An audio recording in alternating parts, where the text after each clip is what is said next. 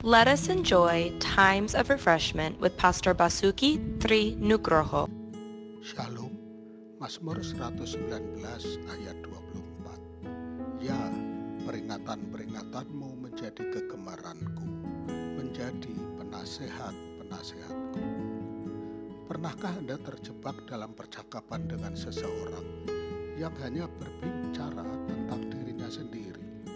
Agar sopan, Anda mulai dialog dengan mengajukan pertanyaan.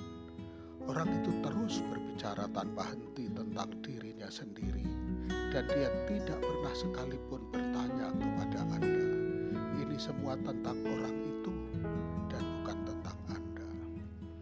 Kita bisa datang kepada Tuhan dengan pokok-pokok doa mengenai apa yang kita perlukan. Doa untuk kesehatan kita, untuk finansial, untuk masa depan anak-anak, dan sebagainya. Kita memohon kepada Tuhan karena memang kita bergantung kepada Tuhan, sehingga kita membawa pokok-pokok doa itu kepada Tuhan. Tetapi Mazmur ini bukan tentang doa permohonan, ini tentang respon terhadap firman Tuhan. Ia menghargai firman itu dan menjadikannya kegemaran. Pemasmur mengungkapkan, menyatakan responnya yang senang akan firman dan berkomitmen menjadikan firman itu sebagai penasehatnya. Dengan demikian, maka pembacaan firman menjadi respon dua arah.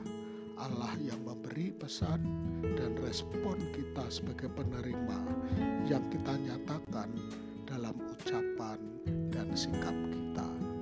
Tuhan memberkati.